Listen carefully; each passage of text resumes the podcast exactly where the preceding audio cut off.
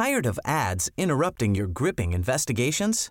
Good news. Ad-free listening is available on Amazon Music for all the music plus top podcasts included with your Prime membership. Ads shouldn't be the scariest thing about true crime. Start listening by downloading the Amazon Music app for free or go to amazon.com slash true crime ad free. That's amazon.com slash true crime ad free to catch up on the latest episodes without the ads.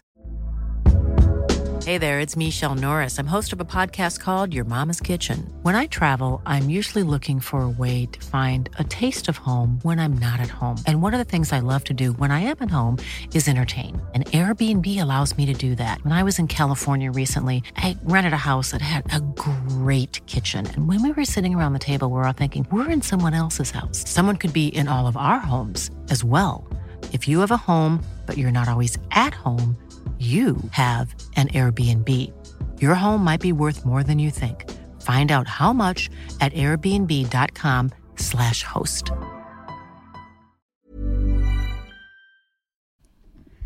Hej alla goa och hjärtligt välkomna till en helt ny säsong av Mord eller myt! Mord eller myt? Mord eller myt? We're back. We're back bitches! Och vi får ursäkta i förväg för våra dåsiga små hjärnor som fortfarande är semestermode. Ja, Jag har glömt hur det är man jobbar. jag med. Jag vill gå i pension. Mm, det vill jag med. Jag längtar så mycket till Ja. den dagen. Jag har glömt lösenordet i min jobbdator.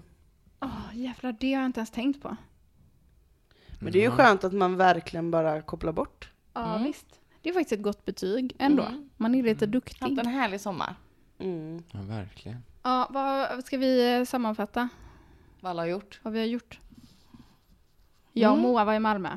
Ja, Det var underbart. det var nice. Ja. Jag tatuerade mig. Mm. Vi träffade Paulina, en gammal kompis. Det var kul. Det var kul. Det var jättehärligt. Mm. Sån en liten minisemester. Det var jättemysigt. Minitripp. Minitrip. Ni har varit på Öland.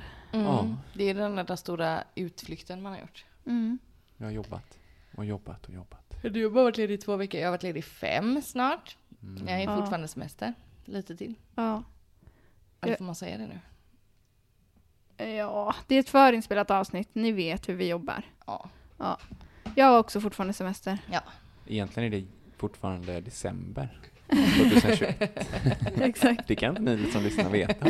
Ni har ingen aning om det var Vi låtsas att vi har varit ute och åkt till Malmö och Öland. Ja, precis. Vi bara berättar om vad vi ska göra. Oj. Ja. Nej men jag, eh, ja vi var på Öland i tio dagar. Det var underbart. Vi, piken på resan, eller det som var mest spännande kanske, för att det var en väldigt så semestrig Ölandstripp i år. Mm. Bara sola, bada, läsa, chilla, Gott. loppa, typ.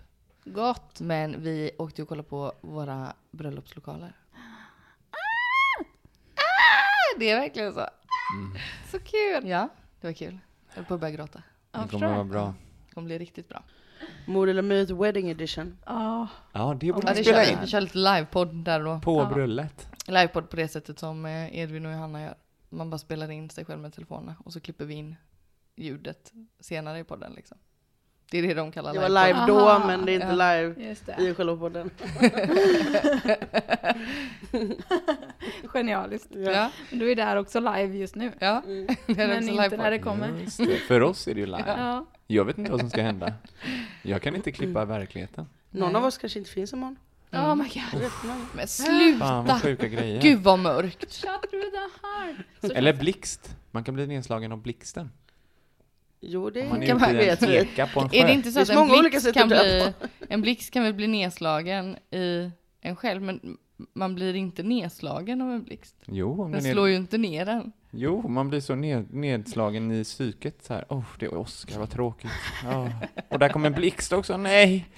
Då blir man hemskt Men liksom, ibland kan det ju vara positivt. Att nedslagen. man får en, eh, En man får en snilleblixt och kommer Ah. på värsta bra grejen. Typ som den här det. podden var en Mm. snilleblixt en gång i tiden. Mm. Ja, eller så här, telefonen.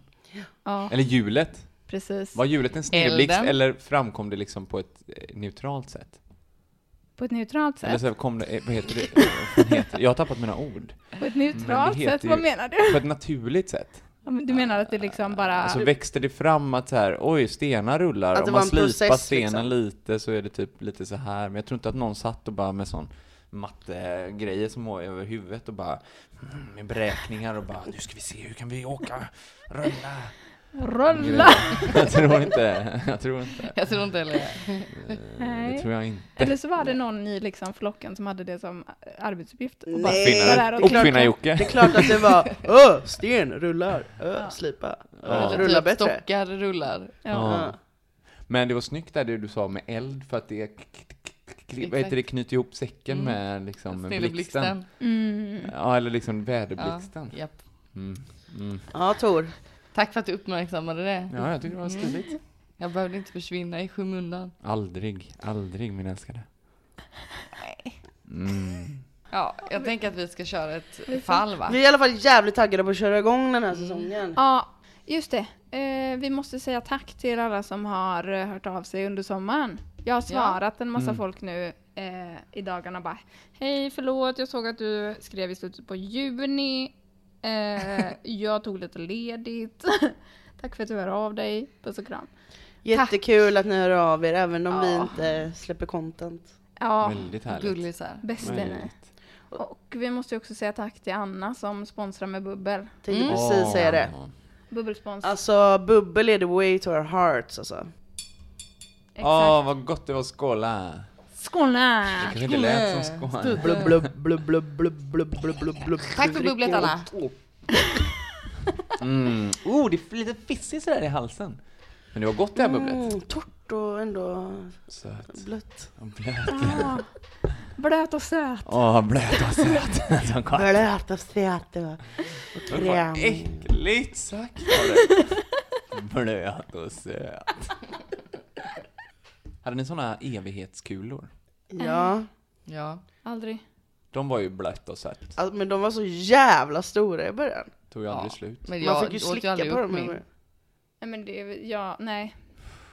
Det är evil. Pure evil den som kom på dem. Ja. Inget tålamod för en sån godis. Nej. Om jag vill ha en godis vill jag ha en godis. Jag vill inte ha någonting som är en sten som jag ska slicka på i tio dagar. Men kan man gå runt med den i handen liksom. Saltsten som en kossa. Spänner fast den i trappräcket, står och på den. Var är William? William står i trappan. Och så spänner man upp en vattenflaska upp och ner också så man kan dricka. Men hallå, det var vår tids eh, iPad kanske? Alltså man gav dem en sån, så var ungen tyst i två En timmar. evighetskula. Ja, så kunde de stå vid trappräcket och slicka på, på evighetskulan. Nu kör vi, nu kör vi ett fall alltså. Nu Det det. försnacket är en evighetskula. Ja, alltså eh, som sagt, vi är lite ringrostiga va? Ja. Vi har haft en god lång semester. Hoppas ni alla har haft en bra sommar också. Mm, Just We det. do hope. det hoppas vi Det faktiskt. hoppas vi. Verkligen. Ni kan väl kommentera det roligaste ni har gjort på semestern på Instagram? Ja, det kan ni göra. Har ni begått ett brott så skicka det inte till polisen utan till oss, så kan vi ta upp det som ett fall här. Just det. Perfekt. Eh, ska vi köra? Q kör. jingel. Ja. Jingel kommer här. Jingle.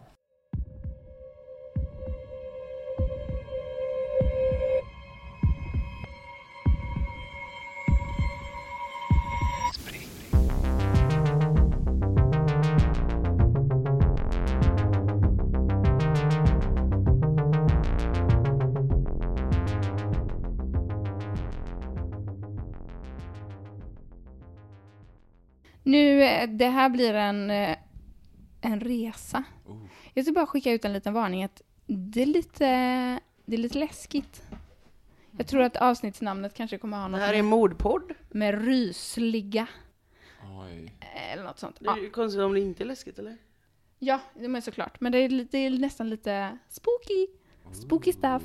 Ja, jag vet inte. Ehm, I alla fall. Nu kör vi. Nej, det har den varit. Nej, det har varit. Året är 1977 och vi befinner oss i Wichita i Kansas. America. Mm, Det är punkåret. just det. Pungkåret. Punkåret. Mm. Där bor 47-åriga Rosita med sin man Eskil. Mm. De har varit gifta i typ drygt 25 år och hade så två vuxna söner. Rosita jobbar på ett telefonbolag och Eskil jobbar med accounting. Inte sex work, utan bokföring. Jag vet Mm. inte. Är är man ekonom då? Ja, typ. Bland Ja. annat. Precis. Ehm, Rosita föddes den 1 februari 1930.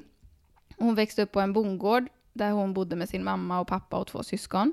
Och hennes familj hade det då väldigt dåligt ställt ekonomiskt på grund av typ the great depression. Ehm, men de gjorde det bästa de kunde med vad de hade liksom. När hon var 15 år gammal så flyttade hon till en annan stad eh, för att läsa på high school för de kurserna som hon ville läsa.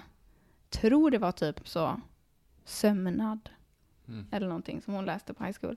Det fanns i alla fall inte i hennes eh, hemstad. Tillbaka till 1977 då. En varm dag är Eskil ute och jobbar i trädgården när han plötsligt faller ihop och svimmar. Och Rosita kör honom då till sjukhuset och man misstänker att han har fått en hjärtinfarkt. Eh, Eskil får stanna på sjukhuset under observation och Rosita blir hemskickad. Det är då första gången på nästan 30 år som hon är ensam hemma i sitt hus. Och då ringer telefonen.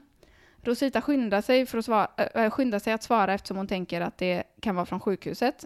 Eh, men det är det inte. Det är en man som frågar om hon är Rosita från Fort Scott, Kansas. Eh, det var där hon bodde då, när hon gick på high school. Och hon bara, ja det är jag, typ. Weird att någon pratar om det nu liksom. Den här mannen eh, säger inte vem han är, men fortsätter typ att ställa frågor till henne om när hon var ung och när hon bodde där. Och så svarar hon så här väldigt svävande.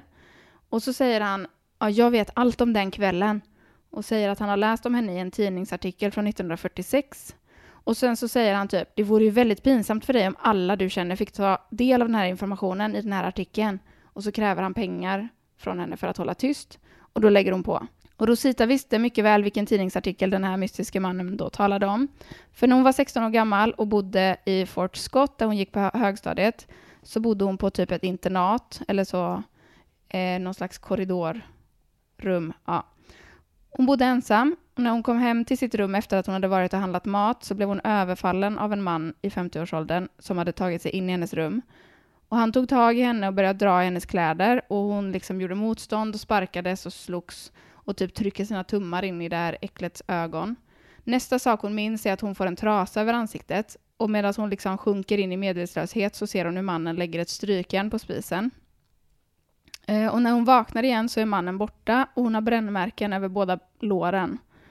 Och då tas hon till sjukhus där man undersöker henne och eh, fastställer att skadorna är ytliga och att hon inte utsatts för sexuellt övergrepp. Hur, hur bra kunde man kolla det då, 1946? Nej, det vet jag fan. Alltså, jag blir så frustrerad. Bara, Nej, det, du har inte varit med om något, det är ingen fara. Man tittar på hur lång kjolen är. Antagligen, ja. Precis. Eh, konstigt, men eh, hon eh, liksom tänker att jag, han bara brände mig med strykjärnet och gick därifrån. Typ. Händelsen omskrevs då i den lokala tidningen som en sadistisk attack av en sexgalning. Och Rosita skämdes otroligt mycket över att hon hade varit med om det här, men bestämmer sig för att lägga det bakom sig typ och gå vidare. Något som inte visade sig vara så enkelt, för varje gång hon kom tillbaka till sitt rum så blev hon såklart hysterisk. Så hon får flytta ut ur det här rummet och så går åren och hon träffar Eskil och liksom försöker glömma att det här har hänt henne. Tillbaka till 1977. Några dagar går och sen kommer Eskil hem från sjukhuset. Eh, han hade inte fått en hjärtinfarkt utan skadat sin axel som han hade skadat ett år tidigare i en bilolycka. Och smärtan fick honom att svimma. Eh, och han liksom pignade till ganska snabbt direkt när han kom till sjukhuset. Typ. Hon bestämmer sig då, Rosita bestämmer sig då för att inte berätta om det här obehagliga telefonsamtalet. Men några dagar senare får hon ett brev till sitt jobb. Och i kuvertet ligger den här tidningsartikeln från 1946. Hon river sönder det och slänger det och säger ingenting till någon. Eh, men den här mystiska mannen fortsätter att ringa henne, både hemma och på jobbet. Och ibland när typ Eskil svarar, då lägger mannen bara på direkt. Lite senare lämnar, nej, lite senare, jag vet inte i tiden här. En varm dag i augusti. Bra. Jag vet inte om det är samma år eller året därpå, Det men var varmt och det var augusti. ja, exakt. Eh, något senare då lämnar Rosita sitt jobb och typ fönstershoppar lite. Nej, så här. Hon slutar jobbet och så går hon och fönstershoppar lite medan hon väntar på att Eskil ska sluta, sluta på sitt jobb. För de brukar alltid åka hem tillsammans för att spara in på bensin. Och hon slutar oftast typ en timme före honom. Så då får hon liksom lite tid för sig själv, typ promenera, gå i affärer, eh, handla lite och så, så här. Så det gör hon den här dagen också. Plötsligt kommer då en man ikapp henne och hon känner inte igen honom. Men han börjar prata med henne som att han känner henne och typ så berätta för henne vilket bra jobb hon gör på det här telefonföretaget och bara nu kan du ta helg för du har varit så duktig typ. Eh, och han fortsätter att prata om mm, typ att fotografier avslöjar en persons innersta själ. Alltså en knäppis bara, helt enkelt. Så hon liksom struntar i honom, men han bara fortsätter prata. Och sen till slut säger hon så, ursäkta, jag, jag väntar på min man. Och då svarar han, jaha, är du fortfarande gift? Och sen blir han liksom väldigt aggressiv och säger att han ska komma ihåg hennes ansikte och att de kommer att ses igen. Mm. När hon senare möter upp Eskil så berättar hon om den här händelsen. Hon tyckte det var väldigt obehagligt, så hon är liksom lite skakad. Men han typ försöker lugna henne och bara så, eh, skit i det, det var bara någon knäppis, det är ju sånt som händer, tänk inte mer på det. Hon har inte berättat för honom om de här andra läskiga grejerna med brevet och telefonsamtalen. Eh, sen går det ett år innan hon möter den här obehagliga mannen igen. Då kommer han fram till henne när hon är ute och eh, köper lunch, när hon har rast på jobbet. Och så tar han tag i hennes handled och skriker typ Rosita, din dumma slyna, eller något i den stilen. Skräckslagen sliter hon då bort sin hand och springer in i ett varuhus där hon typ hittar en telefon och ringer till Eskil och bara jag vill åka hem, jag vill åka hem så här. Så då berättar hon allt för Eskil om telefonsamtalen och brevet och liksom ja, nu börjar det ju bli ett riktigt problem. Det är den här mannen antagligen som stakar henne. Han vill gå till polisen. Men hon vill bara åka hem. Hon är så här, nej, jag vill inte prata med polisen, det är ingen stor grej, typ. Det går över, skit i det liksom. Så några dagar senare så går Eskil till polisen ändå, trots att hon har sagt nej, och anmäler det här. Och polisen typ gör en liten anteckning, men inte så mycket mer. De är liksom inte ens intresserade av att prata med Rosita. Eh, några månader går och sen får Rosita ännu ett brev där det står Fuck dig, fuck polisen, fuck telefonbolaget, ge mig pengar annars kommer jag skada dig. Vettskrämd visar Rosita det här brevet för Eskil och han övertalar henne att de ska gå till polisen. Och den här gången tar polisen det här på mycket större allvar. För polisen i Wichita jagar Wichitas allra första seriemördare, The BTK Killer. Är någon, B- någon BTK. Ja. Känner ni igen det här? Har ni hört talas om BTK? Nej, lyssnarna vet säkert. Vad, st- vad står det för? Ja, han heter egentligen Dennis Rader. Han lever fortfarande. Han är en riktig jävel och framförallt en riktig jävla ärketönt. Han gav sig själv smeknamnet BTK, som står för Bind, Torture, Kill. Det har man ju hört. Ja, Det har man ju faktiskt hört. Du Han- kanske till och med har nämnt BTK innan i podden? det är mycket möjligt. Ja. Vet inte. Men det är mycket möjligt. Ja. Han, eh, han var liksom aktiv under 70-talet, mördade tio personer och eh, skrev brev till polisen. Eh, och han höll på alltså. Han åkte fast efter att han frågade polisen om det gick att spåra en sån diskett. Vet, en floppy disk. Och polisen svarade i en intervju, tror jag, jag minns inte riktigt, att det är omöjligt. Mm. Och då skickade han en diskett som polisen kunde spåra till honom. Och så åkte han rakt in i fängelse först 2005. Oj. Där sitter han än idag. Och mår piss får vi hoppas. Ja, det får vi hoppas. Eftersom polisen då håller på och jagar BTK samtidigt som det här händer så får Rosita och Eskil direkt träffa en polisman som ska ansvara för deras fall, eller hennes fall. Jag kommer kalla honom för David, för han återkommer lite sen. Polismannen David. De berättar då om allt som har hänt och breven och telefonsamtalen och den här konstiga gubben som eh, rycker henne i armen och sånt. David ger dem sitt telefonnummer och ber dem att direkt komma tillbaka eller kontakta honom om någonting mer skulle hända. Och en vecka senare får Rosita ett till brev. Det är liksom fullt med felstavningar, helt utan skiljetecken och skrivet som en dikt. I brevet ombeds Rosita lägga 100 dollar under sätet i Eskils bil För annars ska alla få veta vad som hände henne 1947, typ. De lämnar in det här brevet till polisen och polisen är typ så, shit, vi måste, det här är inget bra liksom, vi får hålla koll här nu. Och strax därefter försvinner Rosita. Hey, it's Danny Pellegrino from Everything Iconic. Ready to upgrade your style game without blowing your budget? Check out Quince. They've got all the good stuff shirts and polos, activewear, and fine leather goods, all at 50 to 80% less than other high end brands. And the best part? They're all about safe, ethical, and responsible manufacturing. Get that luxury vibe without the luxury price tag. Hit up quince.com slash upgrade for free shipping and 365 day returns on your next order. That's quince.com slash upgrade.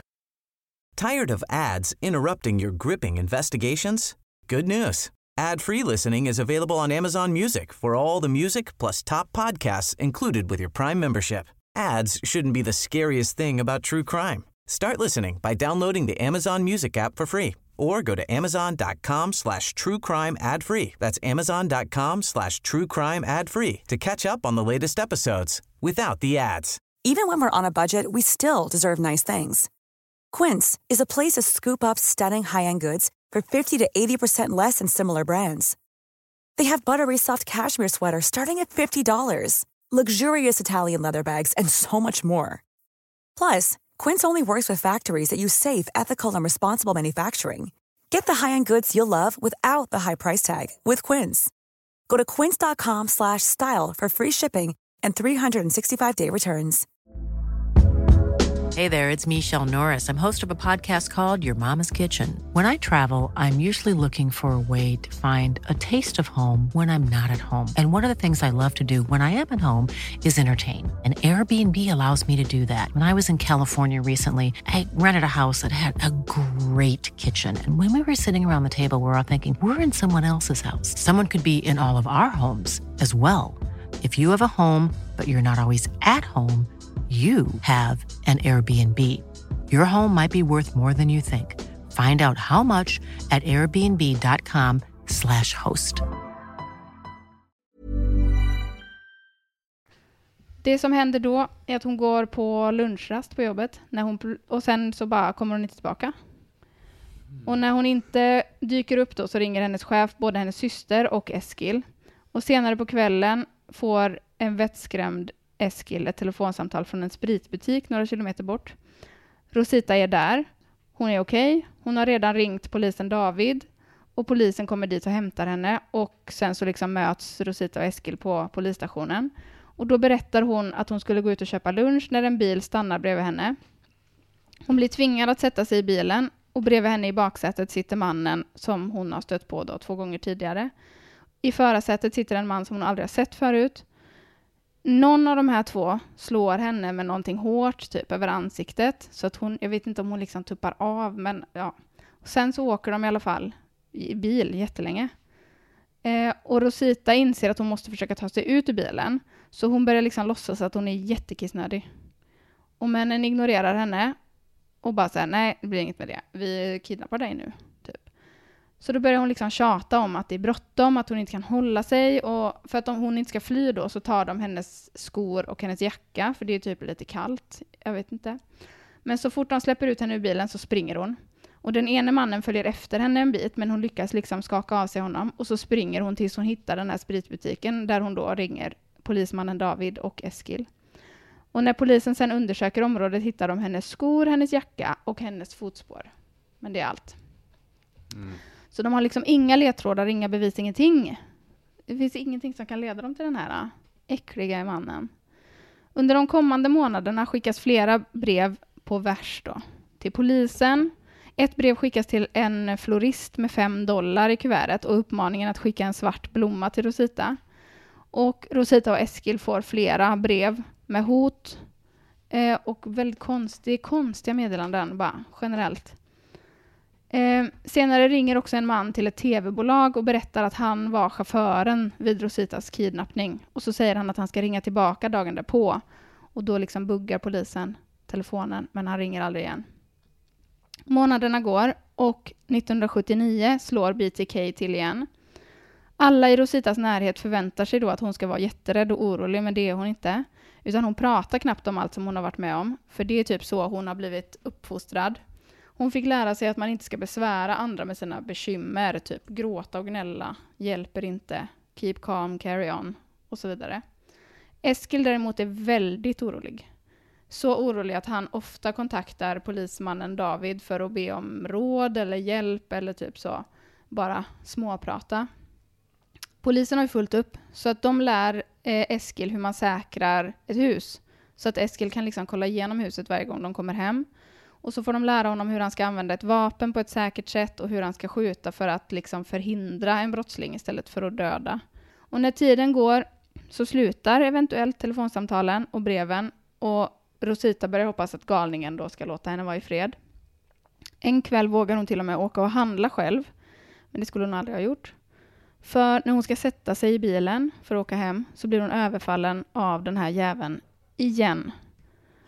Och hon kämpar emot och typ de brottas en stund och sen så lyckas hon liksom slå sig loss från honom och sätta sig i bilen och köra därifrån. Och när hon har kört en bit så känner hon typ att hon är blöt. Och så när hon tittar ner inser hon att hon blöder och att en stor kniv sticker ut ur sidan av hennes rygg typ. Uh, läskigt. Hon kör till en telefonautomat, ringer polismannen David och sen kör hon hem. För hon vågar typ inte vara still någonstans liksom. Så möter hon upp Eskil som kör henne till sjukhuset. Hon har då blivit knivhuggen tre gånger i liksom ryggen, typ svanken, tror jag. Och hon får spendera några dagar på sjukhuset och blir liksom ihopsydd och hon klarar sig. Men nu är hon rädd på riktigt. Eskil är också rädd, men framför allt kanske frustrerad. Han skickar ett meddelande till alla tidningar i området eh, där, som han liksom adresserar till den här galningen som Eskil då kallar för poeten. Och det är ett smeknamn som media snabbt plockar upp. I det här meddelandet så ber Eskil poeten att bara lägga ner och sluta upp. Och under de kommande månaderna är det faktiskt tyst från poeten. Tills ett brev hittas på Rositas och Eskils veranda. Och det har nu gått flera år och polismannen David har blivit befordrad och bortplockad från Rositas fall. Och i samma veva ökar liksom breven. Eh, men både till Rosita och Eskil, men också till en massa andra människor, typ alla poliser som är involverade i fallet. Så polisen ökar sin närvaro kring Rosita och Eskils hus och då slutar poeten att terrorisera henne hemma och byter istället till hennes arbetsplats. Och när de avlyssnar telefonen så slutar det ringa. När de sätter in en övervakningskamera på baksidan av huset flyttas all action till framsidan. Så det är liksom, han är hal, den här jäveln. Mm. Det är omöjligt för dem att liksom komma någon vart. Men det tar inte slut här. En kväll i december sitter Rosita och Eskil och chillar i sitt hus när glaset i deras ytterdörr plötsligt exploderar. För då har någon eh, tänt, en eld, tänt eld på den, de har typ en krans som hänger på dörren som någon har tänt eld på och så liksom värmen får glaset att explodera. Hon får ett kniv, ett kniv. Hon får ett paket skickat till sitt jobb med en kniv som är inlindad i en röd snusnäsduk. Och det verkar liksom hopplöst och som att poeten aldrig kommer åka fast förrän han begår ett stort misstag. Mm. Poeten skickar nämligen ett brev till polisen innehållande hot mot Rosita och mot polischefens fru. Polischefen blir så fucking lack och bara nej, nu tar vi, nu tar vi honom. Jag orkar inte mer. Nu det får det vara nog. Så han tar med sig hela liksom Rositas case file hem över helgen. Och på måndagen kallar han till ett möte med all personal som har varit delaktiga i hennes fall. Där meddelar han att han har löst fallet och att han vet vem poeten är. Mm. Det är Rosita. Nej, vad besviken du blev. Ja, det är. Rosita. Det är Rosita. Han lägger fram sina bevis. När polisen buggar, eller så här, han lägger fram sina bevis. Nummer ett, när polisen buggar Rosita och Eskils telefon, något som bara polisen och Rosita och Eskil känner till, så slutar det ringa. Nummer två, man sätter in en övervakningskamera på husets baksida, något som bara Rosita, Eskil och polisen vet. Då slutar breven dyka upp där. När Rosita och Eskil är bortresta kommer det inga brev. När Rosita, eh, just det, Rosita och Eskil bor längst in på en gata och det är liksom en återvändsgränd precis vid deras hus. Men ingen som bor på gatan, inte ens polisen som har bevakat huset, har sett någon, varken till fots eller i en bil. Finns inte ens några fotspår. Direkt när den här polismannen David lämnar över fallet till en annan polis så får den nya polisen hotfulla brev från poeten. Och det är ju liksom inte något som är känt för allmänheten. Och när Rosita blev kidnappad och sa att hon var kissnödig och sprang så sa hon ju att en av männen följde efter henne. Men där hittar man bara hennes fotavtryck. Det är Rosita som är poeten. Att de inte misstänkte Eskil. Ja, det undrar jag med. För det Men har jag varför? suttit och tänkt att det skulle vara hela tiden. Nu ska ni få gissa. Jag tänkte att det var polisen. Alltså det kan ju vara lika gärna vara polis, förutom fotavtrycken då. Polisen vet ju ungefär lika mycket. Ja, eller de vet väl mer. Men ehm, hur gjorde de med kniven undrar jag ju. Högg hon sig själv då? I ryggen, två gånger. Tre. Det måste gånger väl man till och med. kunna, det måste väl man väl kunna se? Ja, eller så sätter man fast kniven på något sätt och så här. Jo. Backar in sig själv. Aj, aj, aj. Ja. Men att de inte misstänker Eskil som också visste allting. Mm. Det var väl den här sista grejen då där när hon blev kidnappad, att man inte, eller att man bara hittade hennes fotspår. Ja. Men eh, de kanske flög. Nej, ja. Ingen av oss levde ju då så vi, man vet ju inte. Det var konstiga tider. De kanske hade på sig någon typ av sula som gör så här eh, hundavtryck typ. Ja. Ja, High tech. sant. Fast det var också 77. Ja, men då kunde man sådana grejer. Säkert. Men Säkert. eh, ja. Undrar varför hon skulle göra en sån grej då? Varför gör hon hela den här grejen? Ja, hon får inga pengar. Hon får Hon uppmärksamhet. får ju uppmärksamhet. Men inte på ett nice sätt liksom. Eller, så man får väl... Står i tidningen och media. Och...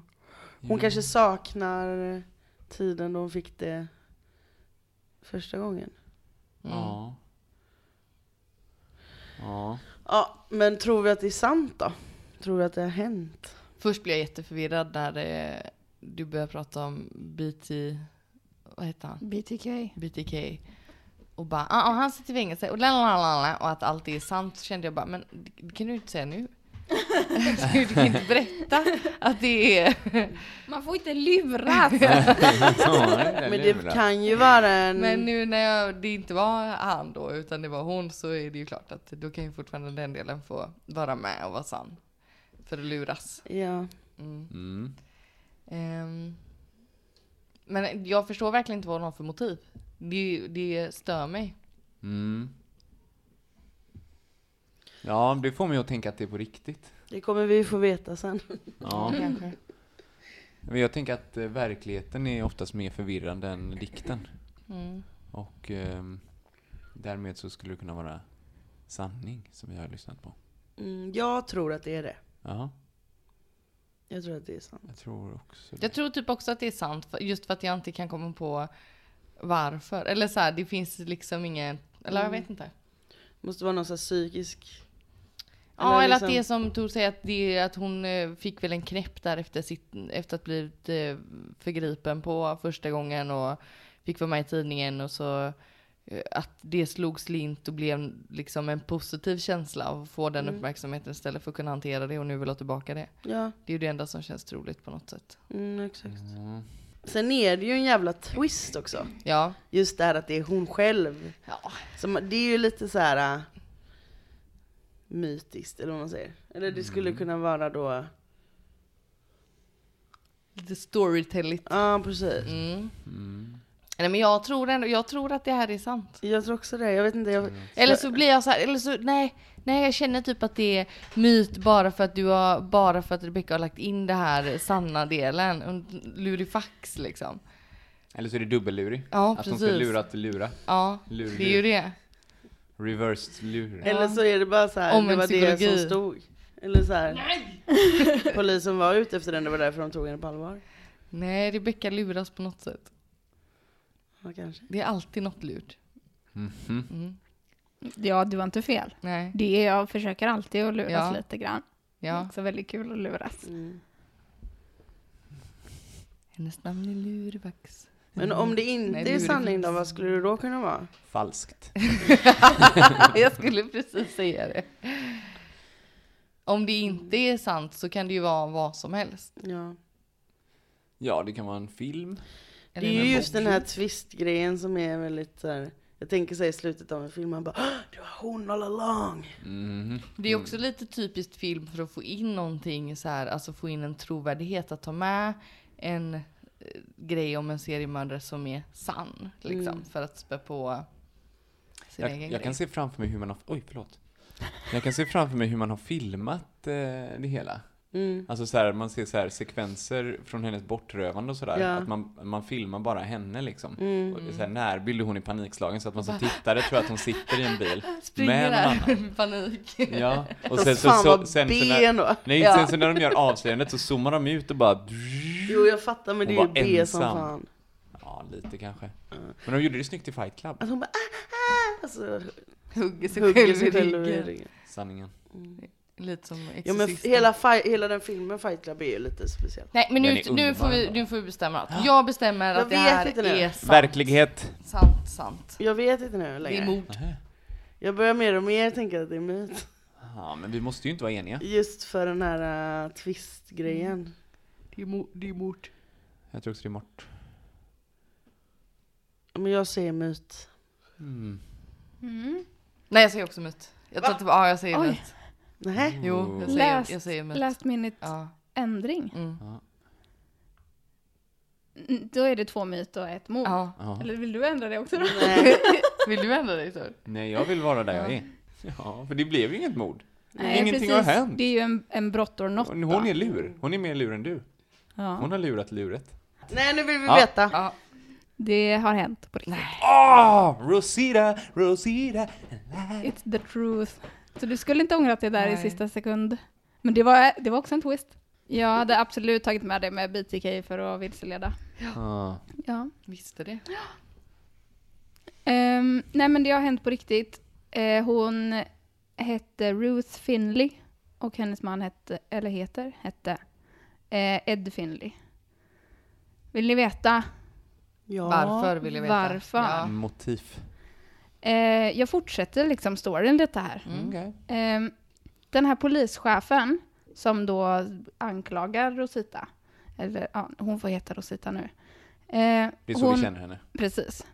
Det som är annorlunda med honom, eller det som gör att han har liksom en, lite andra ögon på det hela, det är att han har aldrig träffat varken Rosita eller Eskil. Medan alla de andra som har varit delaktiga i utredningen har träffat dem många gånger och typ umgås även på fritiden med dem. De har liksom blivit ganska goda vänner.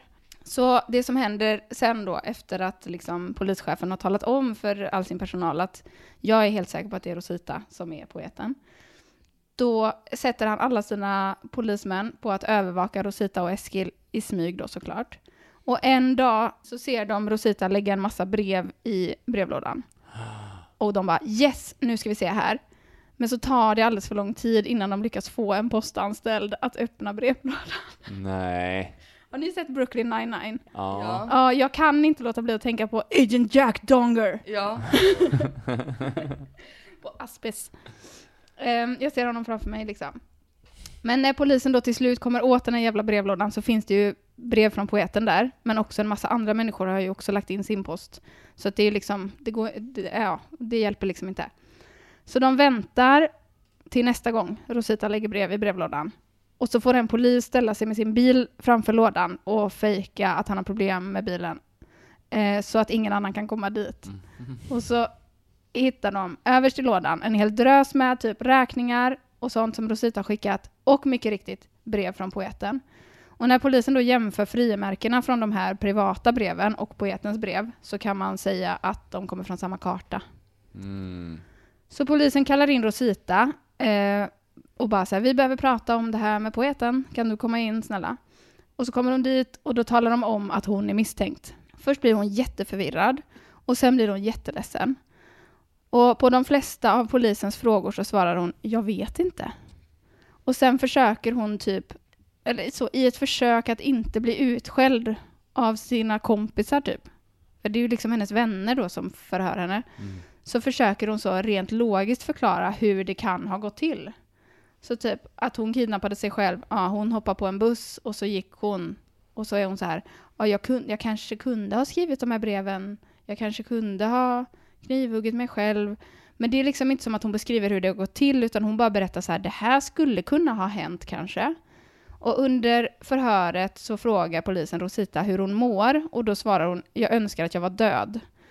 Så när förhöret är slut så skickas hon därför direkt till en så psykiatrisk anstalt. För att hon är ju liksom en fara för sig själv då. Hon har ju uttryckt eh, suicidala tankar. Polisen förhör också Eskil. För de tänker ju såklart att han kan säkert ha något med det här att göra. Och så berättar de eh, om sina misstankar och han blir jättechockad. Men också typ lite glad. För att han är så, ja ah, men gud, då är, ju, då är det ju färdigt nu. Alltså nu kan jag ju typ sova på nätterna och så. Ta det lite lugnt. Så liksom förhör man honom, man gör ett sånt där uh, lögndetektortest. Eh, och han, han hade faktiskt ingen aning Mm. om att det, här, att det var hon. Och även om han typ hade kanske tänkt tanken så vågade han liksom inte tro på det. Så han frias från alla misstankar. Och Rosita får vård. Hon får då en terapeut som hon träffar jättemycket och hon får behandling med hypnos. Och i de här terapisessionerna så kommer det fram så mycket hemska saker. Eh, för det första så berättar hon om hur jävla förbjudet det var att visa eller ens ha känslor typ när hon var liten. Eh, Hennes mamma var väldigt så, äh, tyst, hela tiden. Hon fick liksom inte uttrycka känslor på något sätt. Hon fick inte vara glad, hon fick inte vara arg, hon skulle bara vara liksom tyst och ur vägen. Och efter lång tid och mycket behandling så kommer det också fram att när Rosita var tre år gammal och under flera år framåt så utsattes hon för sexuella övergrepp av en vän till hennes föräldrar som brukade passa henne. Alltså det är så jävla hemskt så jag tänker inte liksom berätta mer om det. Men ehm, en röd snusnäsduk var i alla fall ett starkt minne för, för de, från de här övergreppen. Och hon, ja, hon berättar om det på ett så fruktansvärt sätt för hon pratar inte om sig själv utan hon pratar om den lilla flickan. Så hon är liksom totalt dissocierad från att det är hon själv som har varit med om det här. Hon har bara liksom, hon ser det utifrån så här.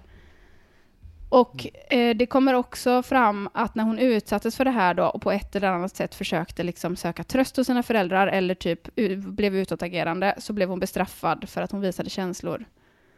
Så hon lärde sig i väldigt ung ålder att bara helt stänga av liksom.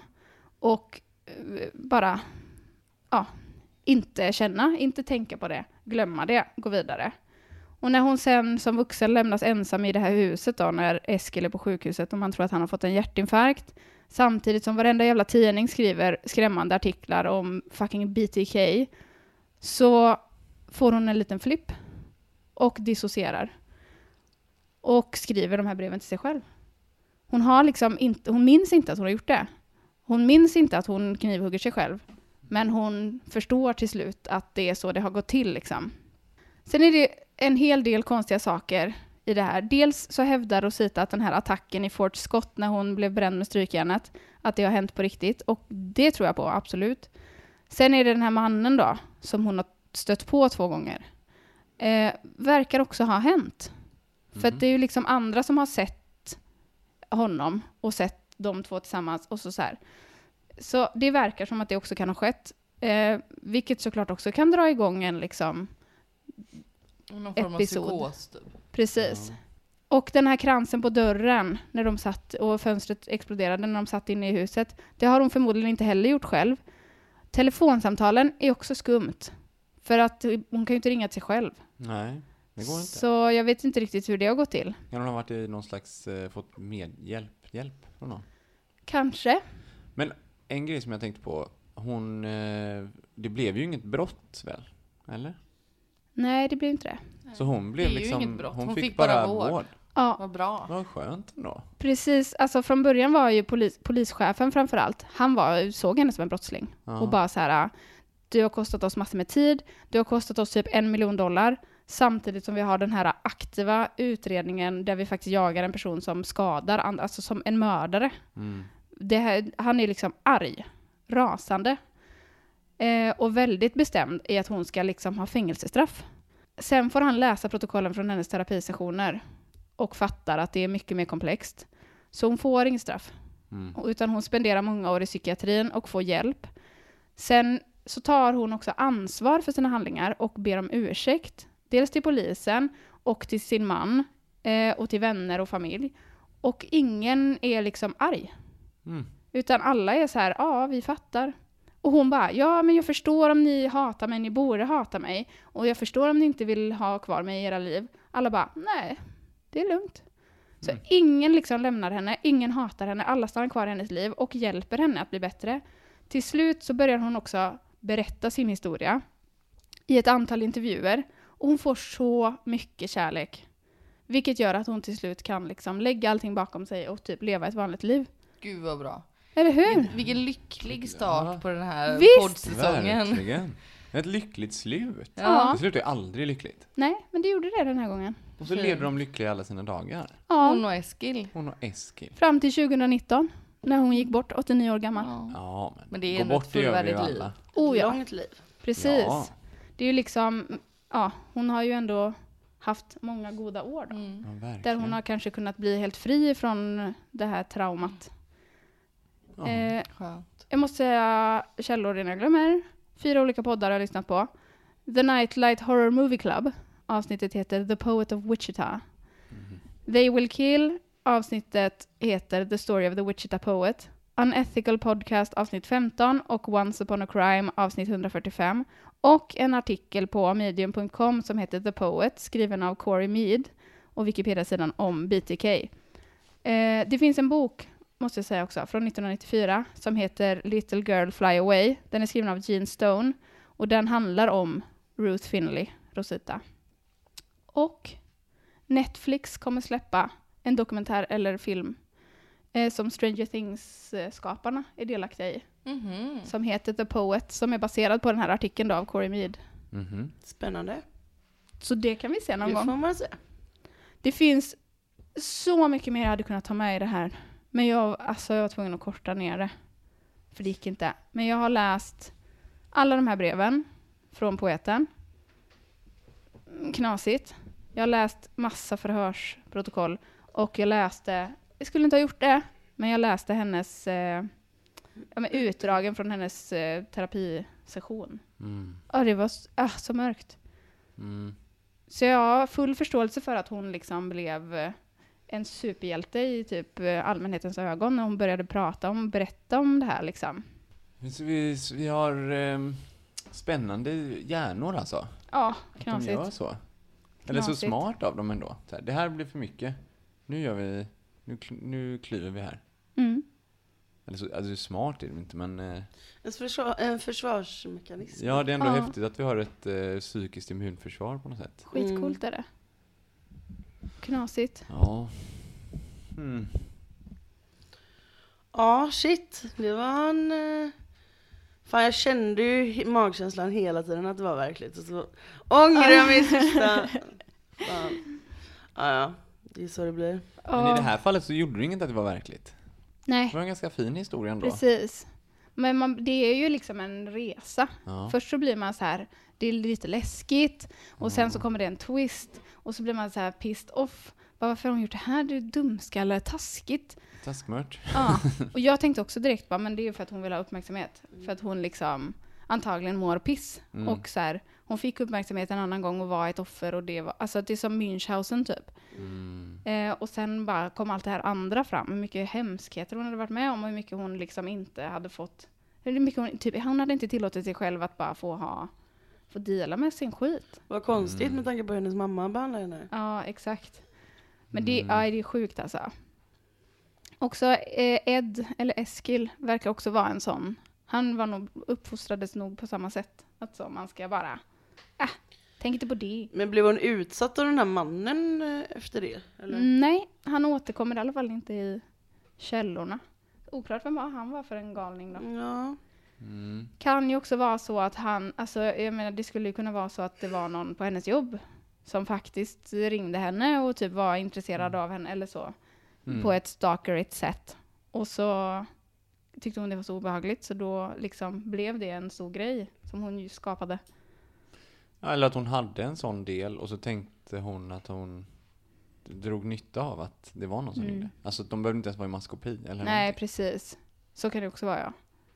Att, att hon hon bara lägger in det i samma person på något Ja, sätt. precis. Om hon bara liksom bara trodde 110% på... För så, såklart, tror man 100% att det är någon som stakar en och vill döda en, Mm. då blir ju allting väldigt skrämmande. Mm. Alltså personer som bara tittar efter en på gatan blir ju en potentiell förövare. Mhm.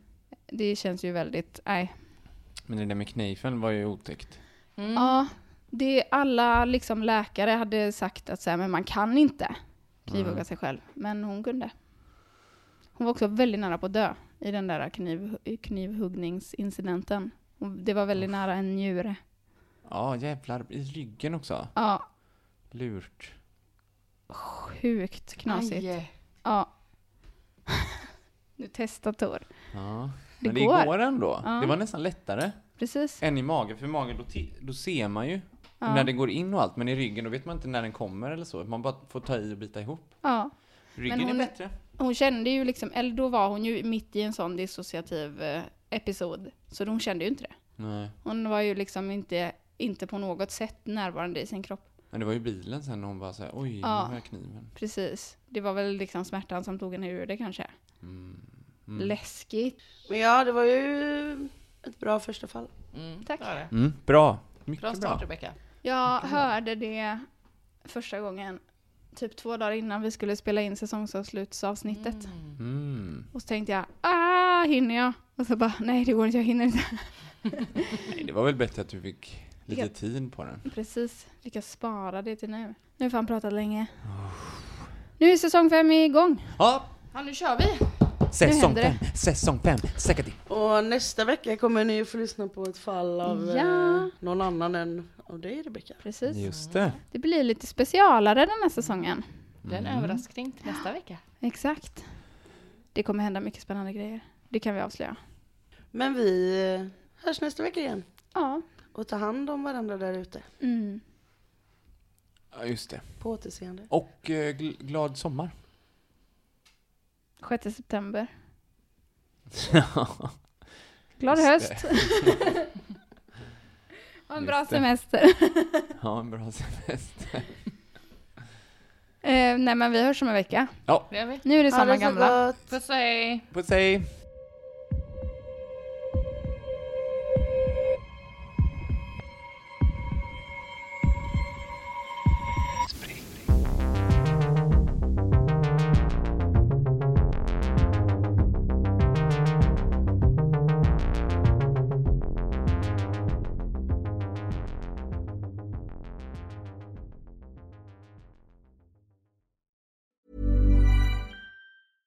Tired of ads interrupting your gripping investigations? Good news. Ad-free listening is available on Amazon Music for all the music plus top podcasts included with your Prime membership. Ads shouldn't be the scariest thing about true crime. Start listening by downloading the Amazon Music app for free or go to amazon.com slash true crime ad free. That's amazon.com slash true crime ad free to catch up on the latest episodes without the ads. Planning for your next trip? Elevate your travel style with Quince. Quince has all the jet setting essentials you'll want for your next getaway, like European linen, premium luggage options, buttery soft Italian leather bags, and so much more. And is all priced at 50 to 80% less than similar brands. Plus, Quince only works with factories that use safe and ethical manufacturing practices. Pack your bags with high-quality essentials you'll be wearing for vacations to come with Quince. Go to quince.com slash pack for free shipping and 365-day returns.